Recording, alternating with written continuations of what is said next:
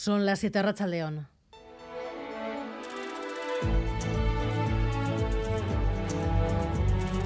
Gambara con Arancha García. David Beramendi, Racha León. Caixo Arrachaldeón, buenas tardes. Estás en el espigón del Cursal, estás siendo testigo en primera línea del temporal que está azotando durante muchas horas ya la capital guipuzcoana, Donostia. Así es, estamos justo al principio del espigón del Cursal. El espigón Arancha, propiamente dicho, pues está cerrado a cal y canto, al igual que el Paseo Nuevo o el Peine del Viento. Estamos en aviso naranja por grandes olas y eso se nota.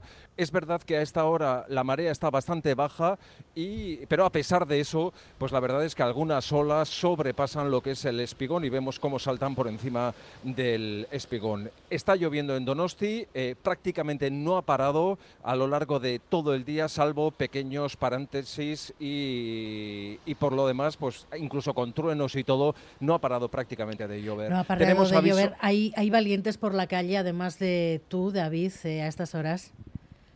Sí, sí, eh, hay algún que otro valiente, pero te diría que Donosti a esta hora parece una ciudad fantasma. Son las 7 de la tarde y no vemos prácticamente a nadie por la calle. Cuatro valientes cruzando el puente del Cursal, poco más a dos de esos valientes una ráfaga de viento pues les ha destrozado el paraguas. Que eh, he perdido el paraguas totalmente, o sea, a la basura no hay posibilidad de poner varillas ni arreglar ni nada de nada. ¿Y qué hacéis aquí? Almas cándidas, como se diría, no. con este tiempo paseando y acercándose aquí al Cursal.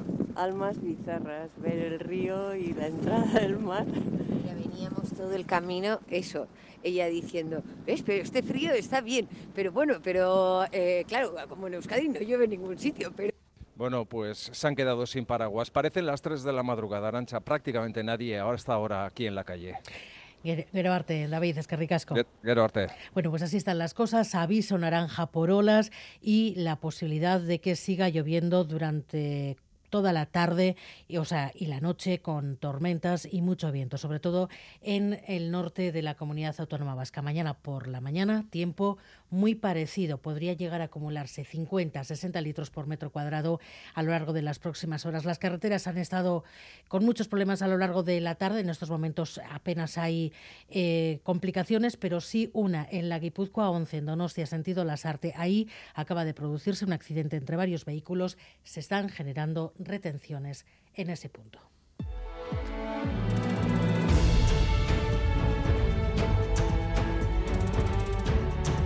Ya hay instrucción de la Fiscalía con el criterio que deben seguir las acusaciones en las revisiones de condenas por la entrada en vigor del CSI. ¿Qué es lo que dice Isaro Baza?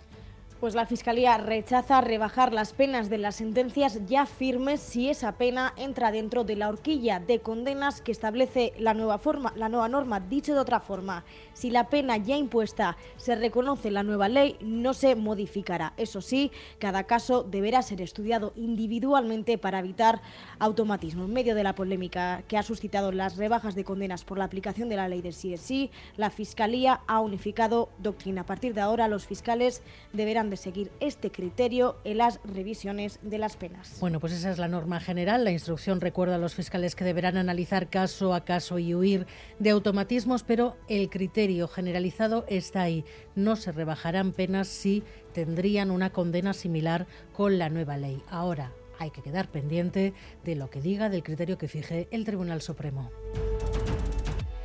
Y podemos adelantarles el informe de los bomberos de Bilbao sobre el incendio de la calle Vida de Palza durante la Ascenagusía. La investigación encargada por el ayuntamiento rechaza la hipótesis de que las llamas se iniciaran a causa de los fuegos artificiales. Se sitúa, de hecho, el origen en el interior del edificio Xavier Madariaga. Son 22 páginas firmadas por el oficial jefe de operaciones de bomberos de Bilbao. En ellas se apunta a las instalaciones eléctricas antiguas y deterioradas como principal foco del incendio. Los bomberos dan más pruebas a favor de esa hipótesis. La unidad canina de la Arzanza no encontró material pirotécnico y las vigas muestran más daños en la parte inferior que superior. El fuego fue de abajo arriba. Este informe ha llegado a manos de los vecinos. No es el único que tienen. Hay otros informes de las aseguradoras, por ejemplo, con hipótesis contradictorias, según nos dicen. Por eso, estudian con con sus abogados los pasos que van a dar. Y Podemos mantiene sus dudas sobre las intenciones reales del gobierno vasco con el pacto educativo. Miren Gorrochategui hoy aquí en Radio Euskadi ha dicho que no descarta que su partido acabe rechazando la ley si no cumple con las bases del acuerdo.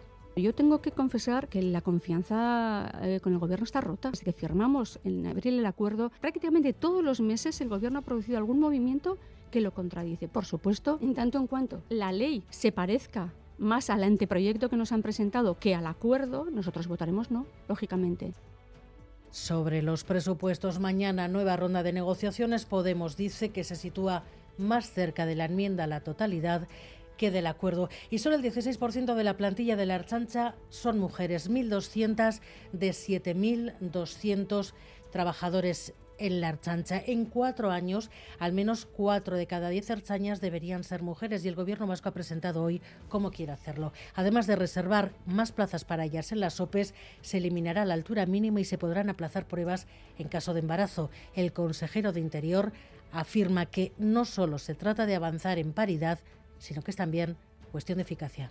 Pero hay que corregir por razones de justicia y por razones también de eficacia. Excluir al 50% de la población de todo el potencial que puede entrañar para mejorar la investigación criminal, para mejorar eh, prestaciones de servicios eh, vinculados a la seguridad que pueden prestar las mujeres mucho mejor que muchos hombres, para labores de inteligencia en una policía diseñada con estrategias de prevención, prescindir del 50% de la población para todas esas funciones esenciales para garantizar una calidad del servicio público de la, de la seguridad, me parece un lujo que no nos podemos permitir. Sin brazalete, las previsiones de la, las presiones de la FIFA han podido y ninguna selección saldrá al campo con el distintivo arcoíris en el brazo. El presidente y el director deportivo de la selección alemana hablan de amenazas y de presión sin precedentes por parte de la Federación Internacional de Fútbol.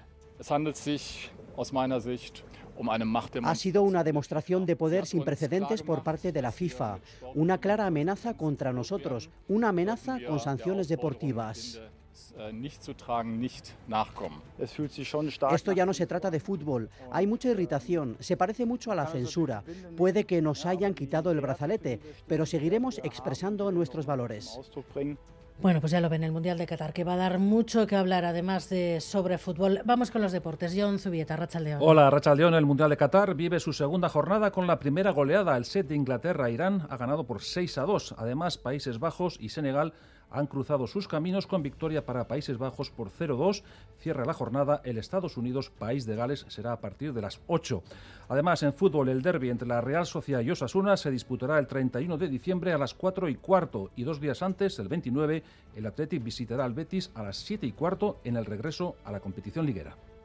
Amore mio, da dove vengo io? Un bacio ed un addio sono la stessa cosa. En Italia, la última ocurrencia de la Liga Norte, 20.000 euros para las parejas que se casen por la iglesia. que Espiga. Una deducción fiscal con ese tope, 20.000 euros para poder afrontar los gastos de la celebración, invitaciones, la decoración floral, la ropa de los novios, peluquería, fotógrafo o el servicio de catering. Las condiciones parejas, heterosexuales claro, menores de 35 años y que lleven al menos una década residiendo en Italia. Y el objetivo, incentivar las bodas, que desde la pandemia han caído casi un 50% y quienes se casan lo hacen la mayoría por lo civil.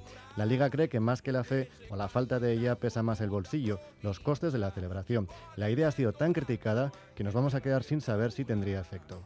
Pues sí, sí me casaría, pero no por la iglesia. En ese caso igual me lo pensaría un poco más, pero no, yo creo que no, yo creo que no.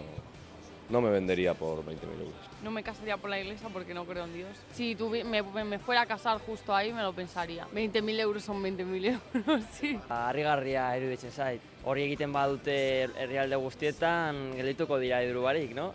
La propuesta deberá ampliarse al resto para poder ser debatida en el Parlamento y de la que el gobierno italiano se quiere desvincular. Bueno, pues también se ha desvinculado el Vaticano porque esta misma tarde acaba de pronunciarse. Dice el Vaticano que el matrimonio es un sacramento y que no se compra. Arancha Prado y Paula Sensio están en la dirección técnica, Cristina Vázquez en la producción.